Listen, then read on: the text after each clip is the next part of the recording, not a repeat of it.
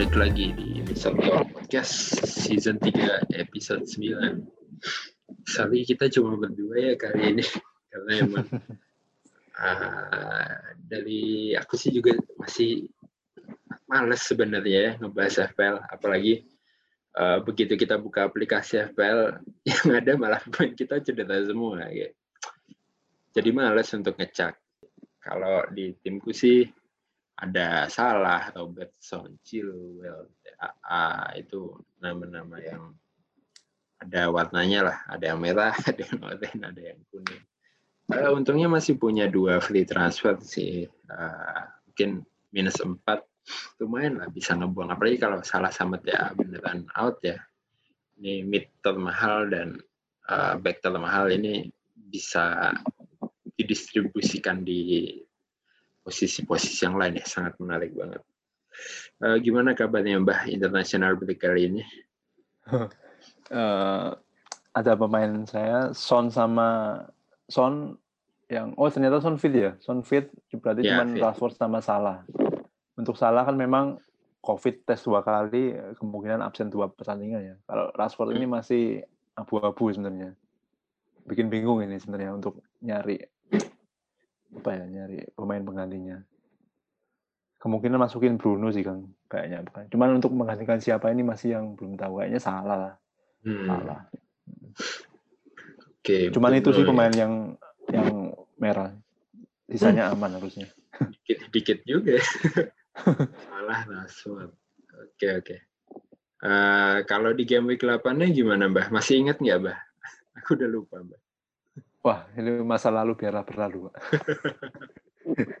yang pasti jelek, Mas. Kapten sopo Pak aku kapan nanti? Nanti wis lali ya. Lali, Pak. Ini kita itu kok ini podcast bahasa Jawa nih. mumpung ya, mumpung. mumpung di sini. Ken sopo ya? Ken. Eh. Son, son, son. Aku, aku son pokoknya. Foto ya padahal salah ya salah satu gol. Ya agak gila sih lawan City away kepikiran kapten. Ya kalau emang always kapten salah sih ya sebenarnya. Tidak tertipu fixture lah. Ini mentang-mentang Son lawan West Brom ya.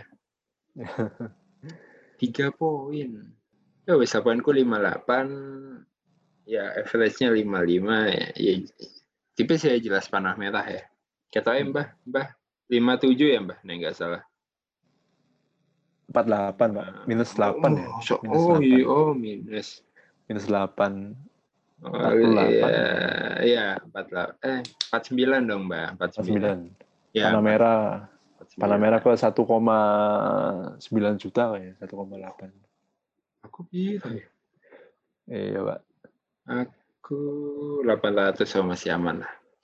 Ya, tapi tapi Mbah masih punya wildcard nih. Ini bisa jadi titik balik ya, tapi nggak tahu tergantung mau dipakai kapan.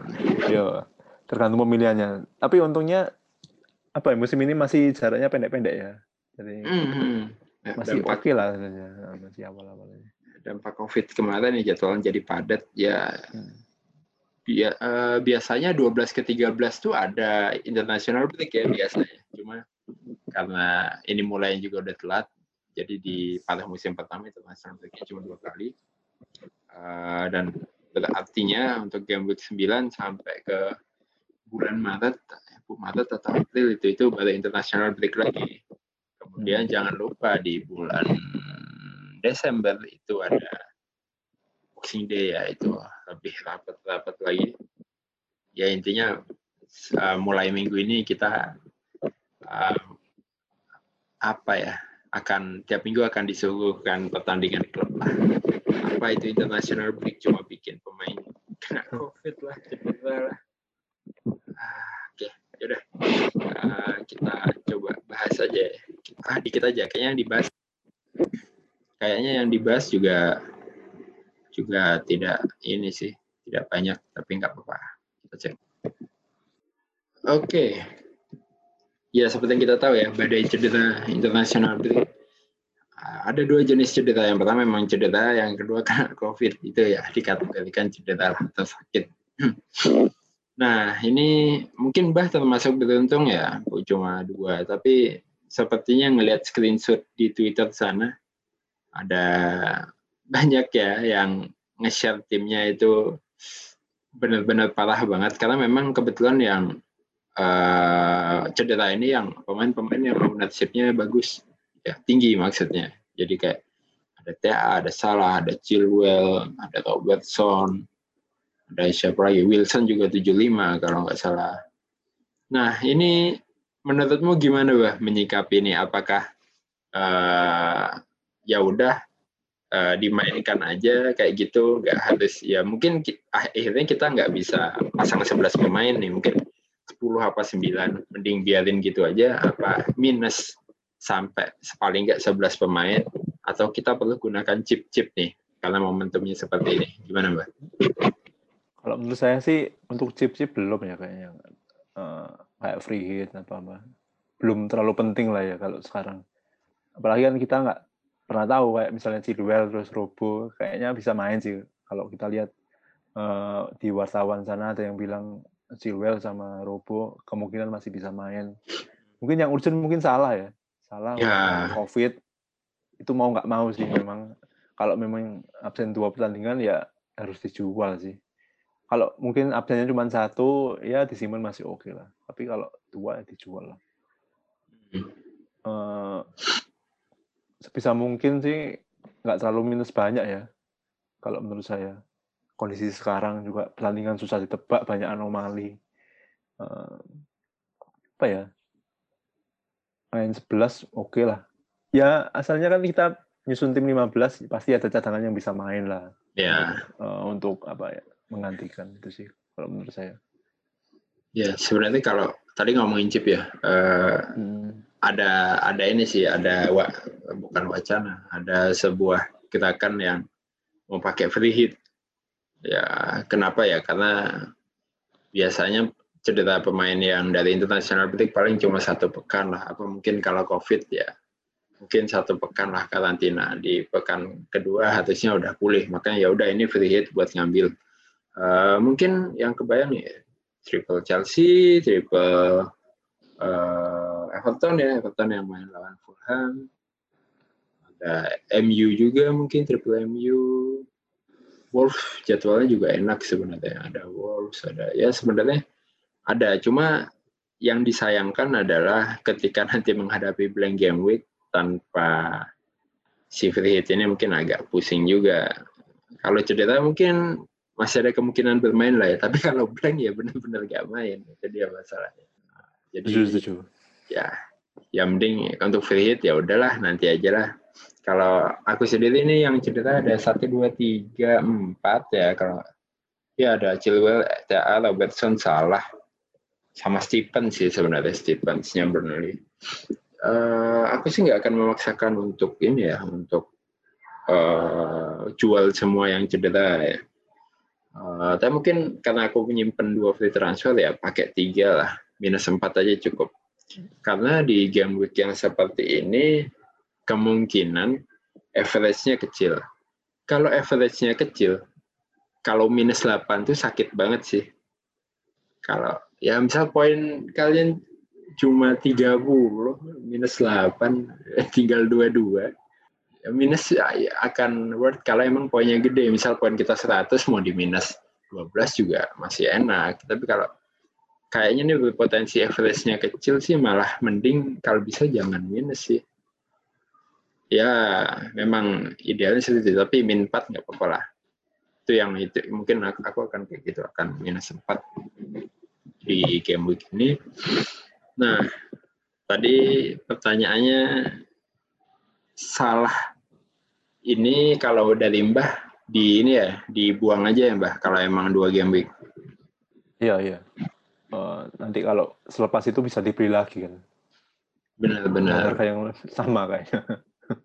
Ya, menarik sih. Kayaknya kalau memang dua game week sebenarnya nggak ada alasan ya untuk ngekip ya kayak buat apa ngekip salah.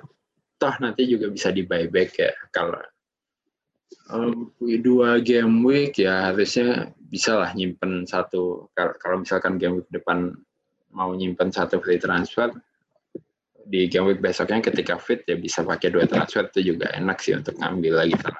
Tapi sebenarnya uh, dengan cederanya salah ini ada potensi untuk Mane dan Jota. Jadi ya sebenarnya bisa disubstitusi ke Mane ya. Ya ya kita tahu kalau masalah salah atau Mane salah atau Mane ya sebenarnya poinnya nggak terlalu jauh ya. Ya, ya. ya jadi bisa aja ini langsung di direct switch ke Mane atau Jota. Jota apalagi ini kalau salah benar nggak main berarti kan harusnya posisi di depan udah aman ya Jota dengan harga setengahnya harga salah ini uh, bisa dialokasikan ke yang lain dan sedangkan potensi antara Jota dan Salah nggak terlalu jauh lah kalau Jota formnya masih bagus kayak gini ya. Uh, mbah kalau Jota atau Mane kira-kira siapa Mbah yang direkomend? Kalau mungkin Liverpool masih belum ada Jota, mungkin pilihannya Mane ya. Cuman kalau hmm. sekarang ada Jota, dengan formnya kemarin lumayan sih. Jota sih sebenarnya. Untuk sisanya uang kita alokasikan ke mid line ya, yang lebih mahal. Iya. Lumayan tuh. Pemain tengah Liverpool harga 6,5 main di depan. Ya, OP harga 6. Iya, dan kita juga emang butuh lagi butuh duit nih buat Bruno. Bruno kayaknya formnya sih stabil ya sebenarnya stabil bagus untuk seorang Bruno Fernandes ya bagaimanapun MU-nya ya Bruno tetap secara NFL tetap bagus. Nah, terus ada ya mungkin KDB kalau yang memang mulai percaya sama Manchester City karena di game week 10 dan 11 jadwalnya enak banget. Cuma di game week ini memang lawannya Tottenham ya. Jadi uh, mungkin beberapa akan menunda untuk game. Week, tapi ada yang ya udahlah ambil sekarang mumpung salah cedera itu juga merupakan salah satu opsi sih untuk di game begini. Ya game begini cukup ya cukup pusing ya. Kayak selama main FPL baru ini sih kayak cederanya banyak banget. Ya karena selain cedera ada covid juga. Ini covid juga baru sekarang ini.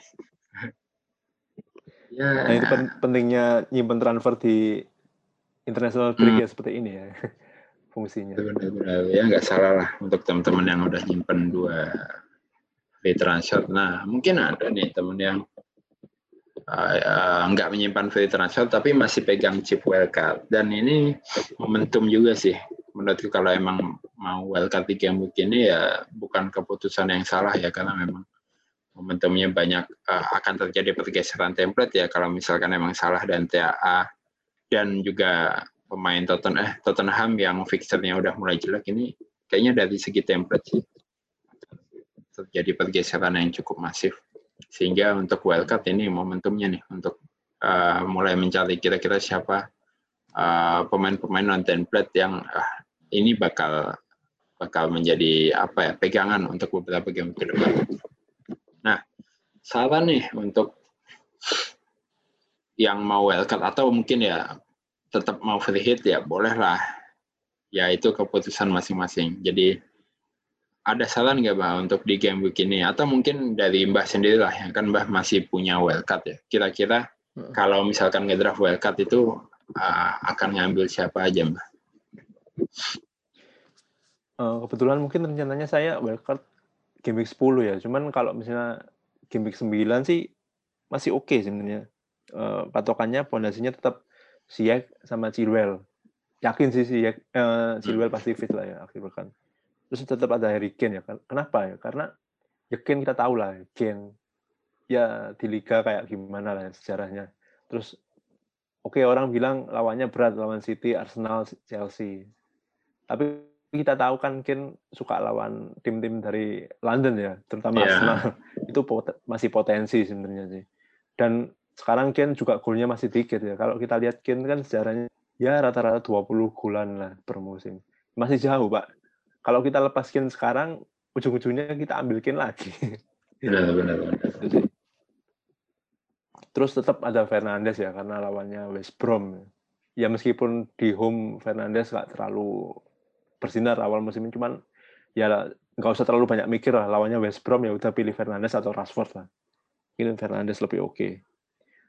Yang menarik ini sebenarnya pemain Villa sih bang hmm. uh, kita mau ambil yang mana ya. Tapi kalau misalnya saya bakal sekarang sih triple villa menarik ya. Uh, target, harganya murah 4,5. Kemarin juga asis lawan Arsenal. Terus Grealish sama Watkins. Watkins, ya. oh, oke. Okay. Itu sih. Uh. Terus lainnya mungkin KDB sih di tengah untuk untuk menjaga di game week 10-nya.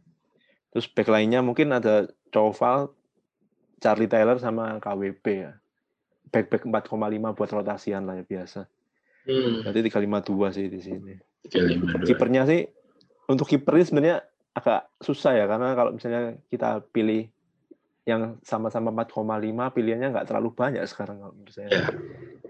Mungkin McCarthy ya menarik ya. Cuman masalahnya kan kalau misalnya kita punya back Soton, kalau ambil kiper Soton juga kalau menurut saya sih terlalu berlebihan untuk sekelas Soton kita double depth-nya Soton. Untuk kiper ya random lah, auto pick. Itu sih Kang. Jadi ah, kiper misalnya okay. kita buton Johnston lah misalnya. Terus belakang Chilwell, target Doval, Mat, uh, Charlie Taylor sama KWP, tengahnya Siak, Grilis, Fernandes, Jota, Jota. Jota hmm. ya, Jota sama KDB, terus Watkins, Brewster sama Kane. Kalau untuk game ini sih. Seperti itu sih. Oke, kalau bayanganku untuk rekomendasi pemain game begini ya. Uh, Everton yang jelas ya. Everton itu Uh, Richarlison udah balik tapi sayangnya nggak tahu kenapa 75 diinjek Cavani ya, Mbak? Injek Cavani. Injek Cavani. Itu Everton sih kayaknya uh, cukup oke okay lah ya. Mungkin Hames, Digna, dan DCL itu cukup sih. Maksudnya cukup menjanjikan untuk game begini sepertinya. Kemudian pemain MU. Pemain MU ini uh, jelas untuk jangka panjang Bruno ya. Cuman nama seperti Rashford dan Martial yang lebih murah uh, sebenarnya cukup menarik juga apalagi untuk laga home ya. Laga home uh, Bruno itu jago banget di away sih. Kalau dari poin itu Bruno nggak pernah blank di away. Minimal cuma 6 poin apa ya, satu assist. Sisanya tuh di away selalu membuahkan hasil. Beda sama di home. Di home udah ada dua, dua kali blank kalau nggak salah uh, Martial juga sudah kembali. Nah, itu itu bisa jadi opsi juga sih. Nah, sebenarnya hmm, untuk potensi clean sheet paling besar game week ini menurutku malah di MU ya. Home lawan West Brom di Old Trafford. Cuma untuk back MU siapa ya? Ya mungkin dengan cederanya Shaw mungkin Terles ya nama yang paling uh, clear ya yang paling menjanjikan sih Teles. Teles uh, eh, AWB juga bisa sebenarnya. Kalau back tengahnya uh, kurang tahu sih. Kalau Lindelof terakhir cedera, Miguel, Miguel juga kadang maju-maju. Cuman apakah kita sudah bisa benar-benar percaya dengan MU khususnya defense-nya? Nah itu yang jadi pertanyaan sih. Uh, kemudian se sebenarnya ada striker yang terlupakan sih kayak macam Jimenez itu punya potensi juga sebenarnya cuma ya uh, pilihan striker di musim ini cukup banyak ya. Akhirnya Jimenez pun yang yang kita tahu sebenarnya Jimenez itu tidak eksplosif ya. Kayak mungkin ya konsisten mungkin satu gol satu assist ya itu tidak cukup memuaskan para manajer ya. Karena di harga yang lebih murah ada nama-nama kayak Watkins, uh, Bamford yang cukup eksplosif untuk di harga 6. Itu makanya Jimenez sempat terlupakan. Tapi kalau emang masih percaya cukup menarik sih. Untuk jangka panjang sih Jimenez masih masih oke okay banget. Di lini tengah. Ya Ziyech, Ziyech nama yang uh, lagi naik daun ya Ziyech. Kemudian ada Grealish, uh, Jota. Benar Jota alternatif salah dengan harga separuhnya itu sangat oke okay banget. Uh, mungkin yang mau agak gambling gambling ada nama Ferran Torres ya yang baru hat trick baru hat trick lawan Jerman nah, cuman ya resikonya adalah Pep seperti biasa kalau mengambil pemain Manchester City Hmm, untuk defense mulai percaya dengan defense-nya Burnley sebenarnya. Makanya tadi Mbah masuk akal untuk ngambil Charlie Taylor karena Pop emang terlalu mahal. Uh, Charlie Taylor menarik. Hmm, Semedo mungkin ya atau Killman ya. Ya Wolves juga defense-nya paling nggak punya satu lah. Kayaknya sekarang orang pada Killman ya. Cuma apakah Killman sudah betul-betul settle posisinya? Apakah suatu saat dia tiba-tiba tidak digunakan lagi? Nah itu yang jadi pertanyaan sih. Tapi untuk gambling di harga 4,3 sih ya itu cukup murah ya untuk di gambling asalkan backupnya cukup baik. Hmm, saya sudah jarang digunakan ya. Terus siapa lagi nama yang terlewat ya? ya mungkin itu sih yang yang aku kebayang untuk wildcard ya. Tapi sayangnya itu cuma hanya menjadi angan-angan saja karena wildcard sudah terpakai. Jadi dengan minus uh, mini wildcard ya dua transfer plus minus empat ini mungkin seadanya lah. Mungkin dari nama-nama yang disebutkan tadi akan ambil beberapa. Kayak gitu sih. Uh, kira-kira untuk diferensial game week ini siapa Mbah? Ya udah kita loncat aja. Udah kepikiran belum Mbah Racun untuk game week ini? Dengan kondisi yang Cavani, seperti ini, Mbak. Cavani. Cavani. Uh, Cavani sih. Cavani. Uh, karena Martial belum belum kayak musim lalu setelah pandemi hmm. masih males-malesan uh, terus kayaknya kemarin ada berita Martial agak cedera ya uh, iya iya kalau oleh berani ngasih kepercayaan Cavani, Cavani lawan Everton juga ngulin satu kan lumayan sebenarnya. Dia juga nomor 9 yang house goal ya kotak penalti. Lawan West Brom kayaknya masih bisa sih Cavani kalau dikasih kesempatan. Harusnya bisa lah ya pemain gimana menurut Sekelas Cavani untuk ngejebol gawang West Brom sih ya, logikanya sih bisa. Ya cuman apakah dapat supply bola yang baik? Ya itu yang asal jadi pertanyaan. Asal ya ya terutama asal dimainkan karena ya kemungkinan ya bisa jadi Martial yang di depan. Uh, pembeda game begini sebenarnya nggak terlalu pembeda sih karena tadi kita udah sebutkan kalau dari aku sih Watkins ya. Watkins Aston Villa lawan si Brighton ya. Uh, Watkins ini ya alternatif lah kalau yang Uh, mungkin pingin pemain Aston Villa cuman uh, nggak uh, terlalu yakin gambling dengan uang 7 komaan untuk ambil Grealish bisa ambil Watkins sih. Watkins ini uh, di awal musim pernah sempat cerita juga ya tentang Watkins kalau dia uh, runner up top score championship musim lalu di bawah Mitro uh, Mitrovic aja sekarang mungkin agak macet ya karena Fulhamnya formnya lagi jelek ya mungkin ini Watkins mumpung Aston Villa-nya lagi oke okay nih ini bisa dimanfaatin sih. Uh, nama Watkins mulai kita dengar ya semenjak hat-trick ya hat-trick ke gawang Liverpool. Nah, terus di dua game terakhir ternyata dia udah nyetak tiga gol juga. Formnya oke okay lah. Jadi ini uh, kepemilikan masih tujuh persenan. Jadi dibilang pembeda sih ya, masih pembeda sih. Karena ya itu untuk pilihan slot di lini depan itu sangat ketat ya. Apalagi misalkan sudah ambil Kane, BCL, mungkin satu lagi orang udah punya Bamford, mungkin bingung masukin Watkins di mana ya.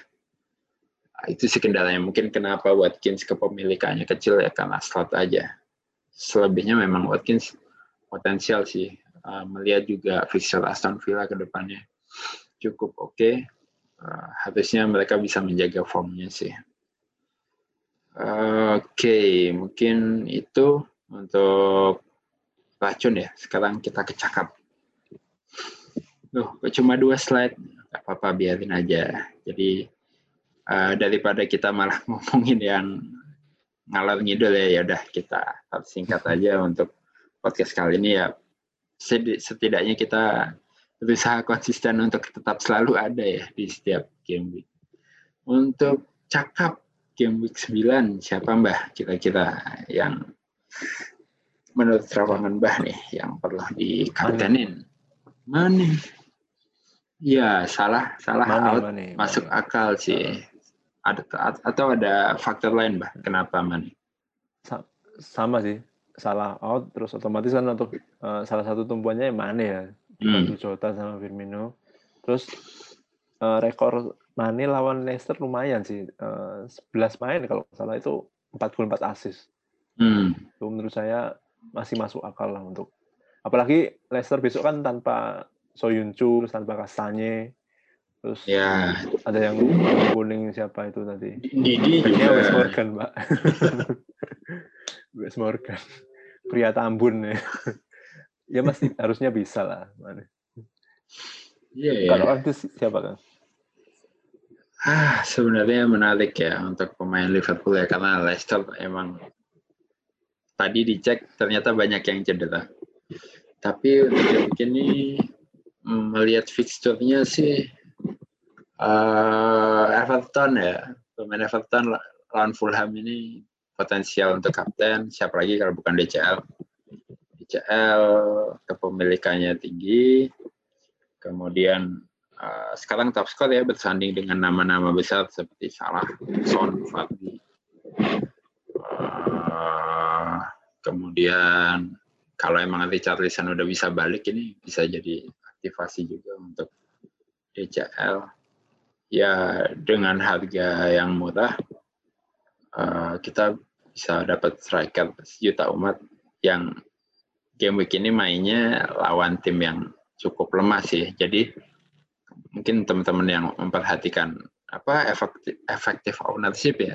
Ini kayaknya di game week ini IO-nya DCL akan tinggi sih. Akan sakit untuk teman-teman yang punya DCL tapi tidak mengkaptenkan DCL. Jadi nggak ada salah yang mumpung, mumpung salah cedera, mumpung City main lawan Tottenham, ya Tottenham main lawan City. Mau kapten siapa? Grilis. ya orang banyak sih di Twitter kapten Grilis, tapi uh, untuk mengaptenkan pemain Aston Villa sih masih too much ya. Mending Everton ya, walaupun sama-sama papan tengah.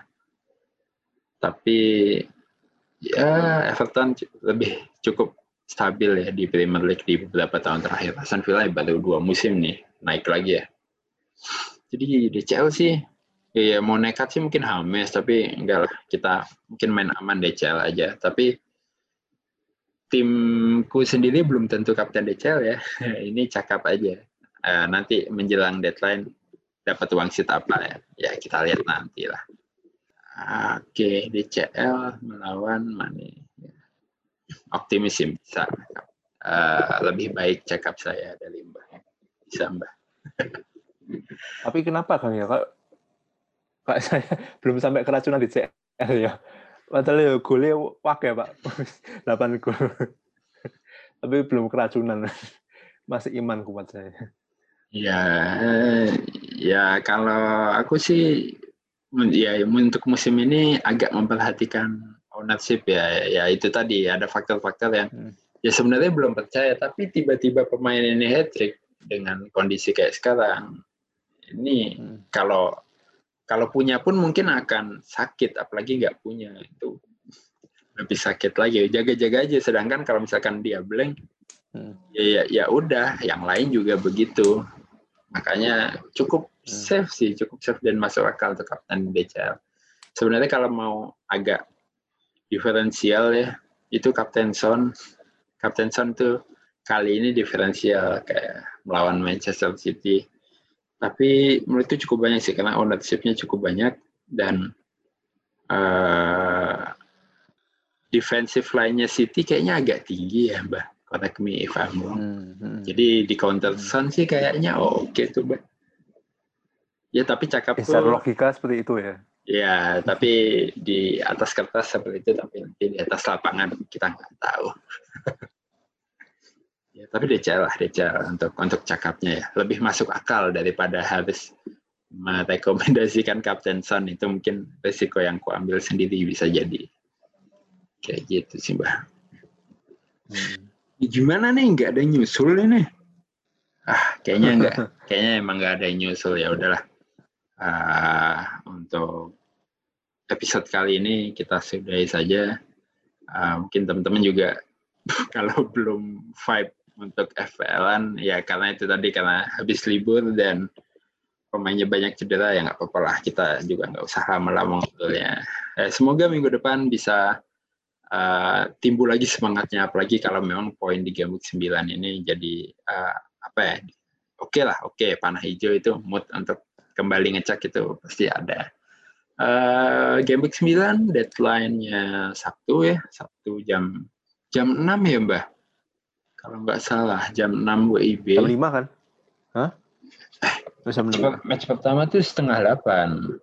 Jadi ya setengah jam 8. jam 6 WIB ya, lumayan lah ya karena di di beberapa game terakhir kita disuguhkan deadline tengah malam.